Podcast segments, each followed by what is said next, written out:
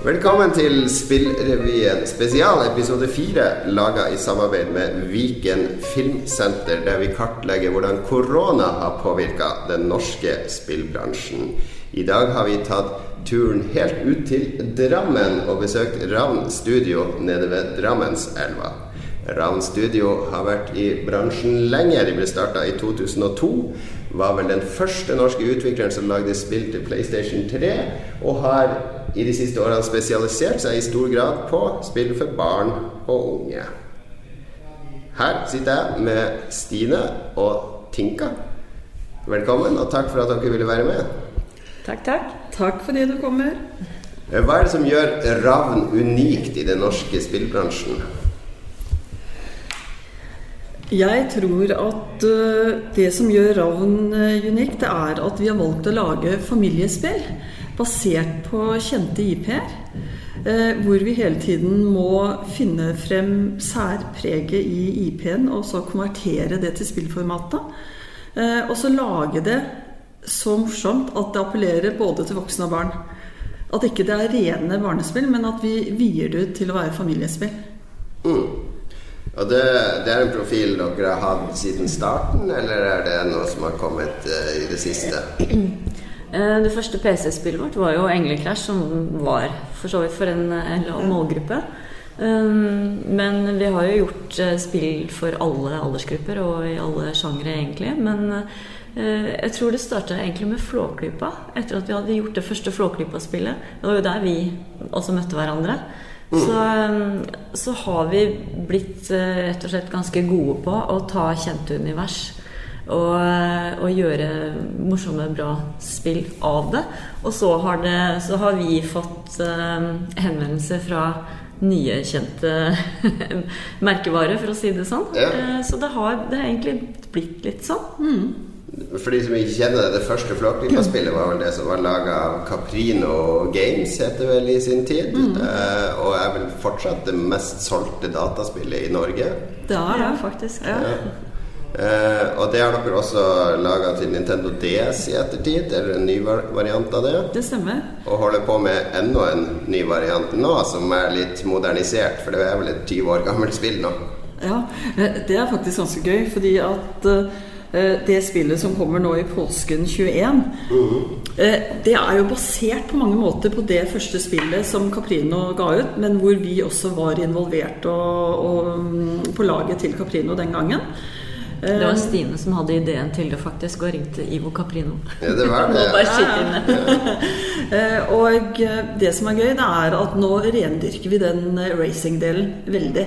Det blir liksom noe helt annet enn top down, som egentlig var jo morsomt nok på den tiden. Mm. Men vi må liksom uppe både kvalitet og gameplay og eh, sikre at målgruppen, som er veldig vid når det gjelder eh, Flåklypa, får det de har lyst på. Eh, så det gleder vi oss til. Ja. Mm. Så teknologien har jo utviklet seg litt i løpet av de siste ja, 20 årene. Så nå kan vi gjøre spill sånn som vi egentlig hadde lyst til å gjøre det. så en norsk 3D-racingspill, det tror jeg prøver å komme på et, men det, det har vel ikke vært laga før? Det har ikke det, altså. Nei, og det, det er egentlig Vi, vi syns jo det er superspennende å gjøre det. Og så tenkte vi hvordan skal vi få til dette ved Det er vanskelig å få tak i Unreal-programmerere, f.eks. Mm. I, i Norge. Og det har vi lett etter lenge. Altså. Vi har vært på jakt nå i over et år for å finne eh, flere folk å ansette. Og så tenkte vi ok, liksom, istedenfor å ansette folk, så må vi finne helt nye forretningsmodeller. Eh, og, det vi gjorde da, var å gå ut. Så nå jobber vi med eh, flere selskaper. Vi har et team som vi kaller Flåklypa-teamet. Og det består da av folk fra noe som heter Invictus i mhm. Ungarn. Rock Pocket i Tønsberg og oss her hjemme. Og så har vi noen faste frilansere. Så totalt så er teamet på 20 stykker. Ja. Det er imponerende. Mm. Eh, når jeg gjorde research, også, så ser jeg jo at siden Artplant nå er helt forsvunnet altså De er jo slukt av et svensk eh, mm. stort selskap som heter Togman. Så er vel dere eh, etter Funcom eh, kanskje den utvikleren som har vært i bransjen lengst i Norge? Ja, det tror jeg faktisk stemmer nå. fordi at uh, Da vi startet opp, så var det egentlig bare Funcom, Artplant, og så var det Kari Hovda. Ja, Minimedia. Minimedia ja. Mm. ja. Så det stemmer, da. Det var liksom omtrent fem spillutviklere i Norge totalt.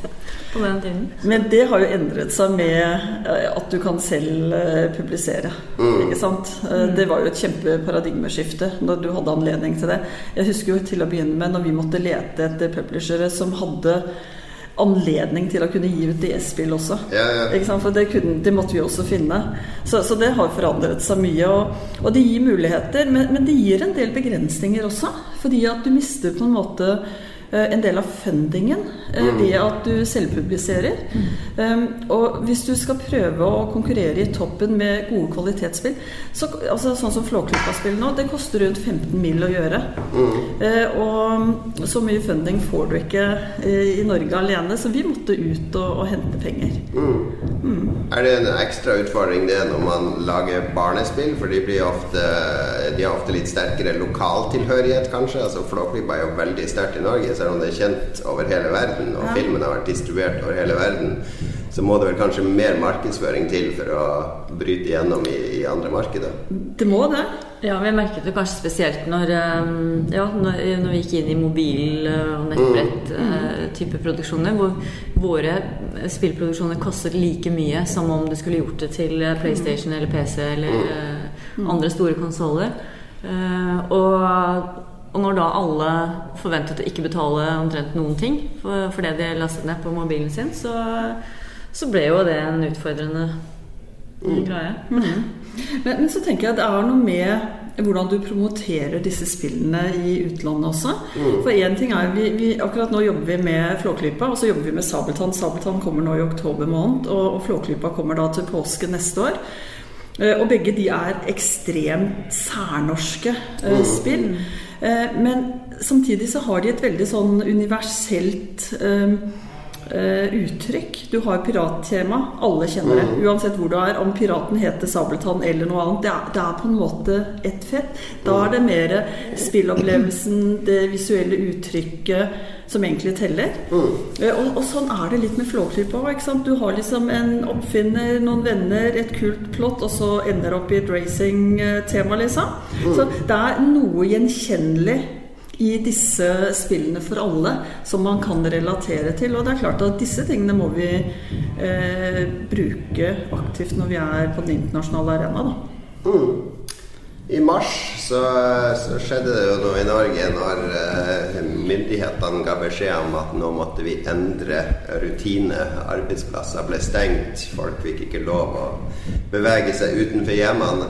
Når var første gang dere skjønte at dette koronaviruset fra Kina kom til å påvirke deres bedrift?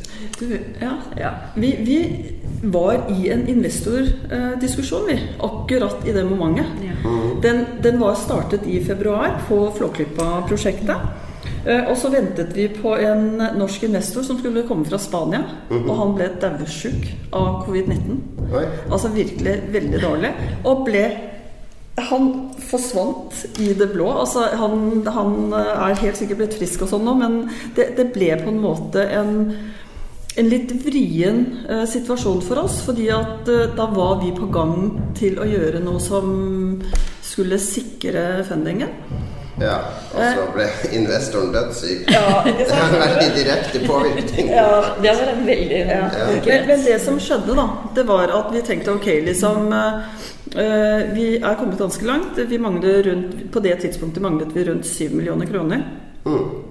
og da eh, snudde vi oss mot en eh, publisher som vi hadde dialog med fra tidligere. Mm. og som også hadde et racingteam som var veldig bra. Så tenkte vi ok, vi må prøve å finne noen løsninger hvor det kan være litt sånn vinn-vinn for alle. Og da gikk de inn på funding-siden eh, med oss. Eh, vi fikk i tillegg eh, tilgang på racingteamet deres. Og det ble egentlig en av de beste avtalene vi har gjort. Ja. Og det har vært en, en veldig sånn eh, vinn-vinn-avtale for alle partene som har vært involvert. Så det har vært spennende. Det er det vi kaller hell i uhell, nesten. Helt klart. Ja. Ja. Og vi er jo vant til å jobbe remote. som det er på å si. Vi sitter jo Vi har, vi har jo Ja. Deler av rammetiden er jo i Bergen og uh, overalt. Og hjemmekontor er det en del som har. Uh, så, så sånn sett så har det ikke vært en sånn stor overgang, da. Mm. sånn helt personlig så føler jeg at det er business as usual. Liksom. Jeg har ikke merket så veldig mye forskjell. Nei. Så jeg har savnet litt å være i Drammen litt mer. Ja, men uh, ellers så, så Men vi har jo ja, og videomøter og sånne ting er vi mm. også vant med, for så vidt. Mm. Ja, Funnet på nye løsninger eh, ja. på det, og nye verktøy. Ja, altså det er egentlig det, det, som har kommet mest ut av dette. Det er at det har kommet nye verktøy. Mm. Eh, så, som, kan, som, kanskje er enda bedre enn de vi har brukt tidligere. Da, fordi at vi bruker jo Slack eh, mm. Eh, som Eh, kommunikasjon til daglig, også før koronatiden. Og eh, nå bruker vi stort sett Zoom ikke sant, på de uh, møtene vi har, fordi at det funker veldig bra. Det er ikke bare Skype lenger, liksom. og, og, det er stabilt og greit. Vi har ukentlige møter med, med teamene. Og, og, veldig mye av det vi skal gjøre, det, det, er jo ting som vi skal evaluere, se på, teste ut. Og det får vi gjort på lik linje med tidligere. Eh, så jeg er helt enig. Det er litt business as usual. Mm. Mm. Så det er ikke eh, Hvor mange er det dere sitter her i Drammen? Vi er fem. Fem, ja. ja. Så det, det har ikke påvirka her i stor grad. Hva med teamet i eh, Ungarn? Har, de, har det vært noe korona? Ja, altså vi, når vi sitter og snakker med dem i møter, så sitter jo også de på hvert sitt hjemmekontor. Ja. Så det er det eneste. Og Rock Pocket gjør jo også det. Men de jobber jo på. Og ja. vi kommuniserer og sender filer og rapporter og evaluerer og underveis. Det er veldig høy grad av effektivitet og selvdisiplin. Og ja, vi har stor tillit til, eh, til denne gjengen. De, mm. de, leverer absolutt på alt de skal. Så, så, det har egentlig funket veldig veldig bra. Ja, effektiviteten har ikke gått Nei. ned i nevneverdig grad. Så. Det, det er bra. veldig positivt. Hva det noen planer dere måtte endre? Altså, for, for, min del og mitt selskap Krillbite, vi hadde jo veldig mye planlagt til Game Developers Conference. Ja. Vi hadde mye avtaler som ble avlyst, eh, og vi måtte omstille oss ganske raskt. Eh, var det noe lignende type planer dere måtte endre? Eh, det eneste Vi hadde ikke tenkt å, å dra til GDC i USA egentlig, fordi at der skulle vår publisher representere oss. Ja. Så den delen har på en måte uh, gått litt som, som, de har ønsket. Men vi uh, hadde lyst til å dra til Köln mm. og Game Connection nå. Uh, og det er jo også avlyst. Mm. Og der jobber vi nå med å finne løsninger som kan fungere. Og vi vet ikke helt hvordan de legger det opp. Altså vi, vi vet at de skal kjøre en del digitalt og sånt. Og vi, man ønsker jo mer effekt av mm. det man får fra Eh, Game Connection i år kontra ellers. Fordi at det du misser nå, det er jo den eh, relasjonen ansikt til ansikt som har veldig mye for seg. Mm. Så vi vet ikke helt hva de kan tilby ennå, så det er vi litt avventende til. En, en, slags eh, strategisk konsekvens av det. fordi selv om man har prosjekter på gang nå mm. som skal lanseres snart, så skal man jo også ha prosjekter de neste tre-fire ja. årene og ja. knytte relasjoner der. Mm. Eh, vi har jo eh, ting i pipeline som eh, vi hadde planlagt skulle ut til publishere, men ikke før første kvartal 2021. Så vi mm. håper jo at man har åpnet opp litt mer på det tidspunktet, slik at GDC21 går som vanlig. Yeah. Fordi at det er viktig for oss. Mm. Hvordan var dialogen med Rock Pocket når korona inntraff? Synkroniserte dere ting, eller måtte dere koordinere ting på en annen måte i henhold til hvordan det ble jobba? Utveksla dere litt sånn tips og info om hvordan man skulle håndtere dette? Eller? Men vet du hva, det har faktisk vært helt uendret også. Ja. Det, det, har vært akkurat som det pleier. Det eneste vi ikke har gjort, er å vært på besøk hos hverandre, egentlig. Ja. Ellers har liksom eh, samarbeidet, leveransene, eh, alt godt som vi har gjort før covid-19 også. Vi ser jo nå at uh, det dukker opp veldig mye sånne digitale messer og showcaser for spill i stedet for disse fysiske messene. Mm. Uh, er det noe som dere skal være med på utover høsten, tror dere? Eller er det publisheren deres som, som, ikke vil at dere skal snakke høyt om det? Nei, du, faktisk så har vi bestemt oss for å teste ut og se hva, hva det kan være. Mm. Um, fordi at det er en ganske sånn billig inngangspenge for å ta del i det. Mm. Uh, og da tenker vi hvorfor ikke teste det ut og se. Men det er klart at vi har jo mulighet til å snakke med folk også direkte, ikke sant? Så det vil alltid være en avveining hva som er mest hensiktsmessig. Hvor er det vi skal legge energien vår, og når skal vi legge inn energien? ikke sant? Fordi at det er klart at uh, mange av de store aktørene vil sannsynligvis eh, eh, ha mest fokus eh, på disse messene nå fremover, selv om de er digitale. Eh, og da må vi finne rom eh, som gjør at vi blir interessante nok. Mm. Eh, ja, så det har ikke egentlig vært noen økonomiske konsekvenser. Det har vært uh, business as usual. Ja, Det eneste vi kanskje skulle ha ønsket, at vi hadde akkurat lansert et kjempekult spill rett før korona. som vi ja. kunne ha, ha, melket den der på den måten. Ja, ja, så, men nå kommer det jo likevel uh, litt i etterkant, så Og nå har og spillere har jo, antall spillere har jo økt i alle settinger, så, så det blir nok uh, det er en bra ting. Mm. På, på begge disse spillene kommer jo til Nintendo Switch og til PC Mac. Mm -hmm. og til Steam ikke sant, eh, for PC, så det er jo helt strålende. Så det gleder vi oss til. Mm. mm. Er det noe eh, dere kommer til å ta med dere fra denne perioden? Altså jeg vet F.eks. før korona så var alle arbeidsgivere veldig skeptiske til hjemmekontor. Etter korona så tror jeg alle arbeidsgivere kommer til å være mye mer positive til hjemmekontor f.eks. Ja, det er jeg helt enig med deg. Um, vi har som sagt vært ganske vant til det, fordi at vi, vi har teammedlemmer rundt omkring. Uh, men vi åpner opp for at uh, folk kan jobbe der de vil. Mm.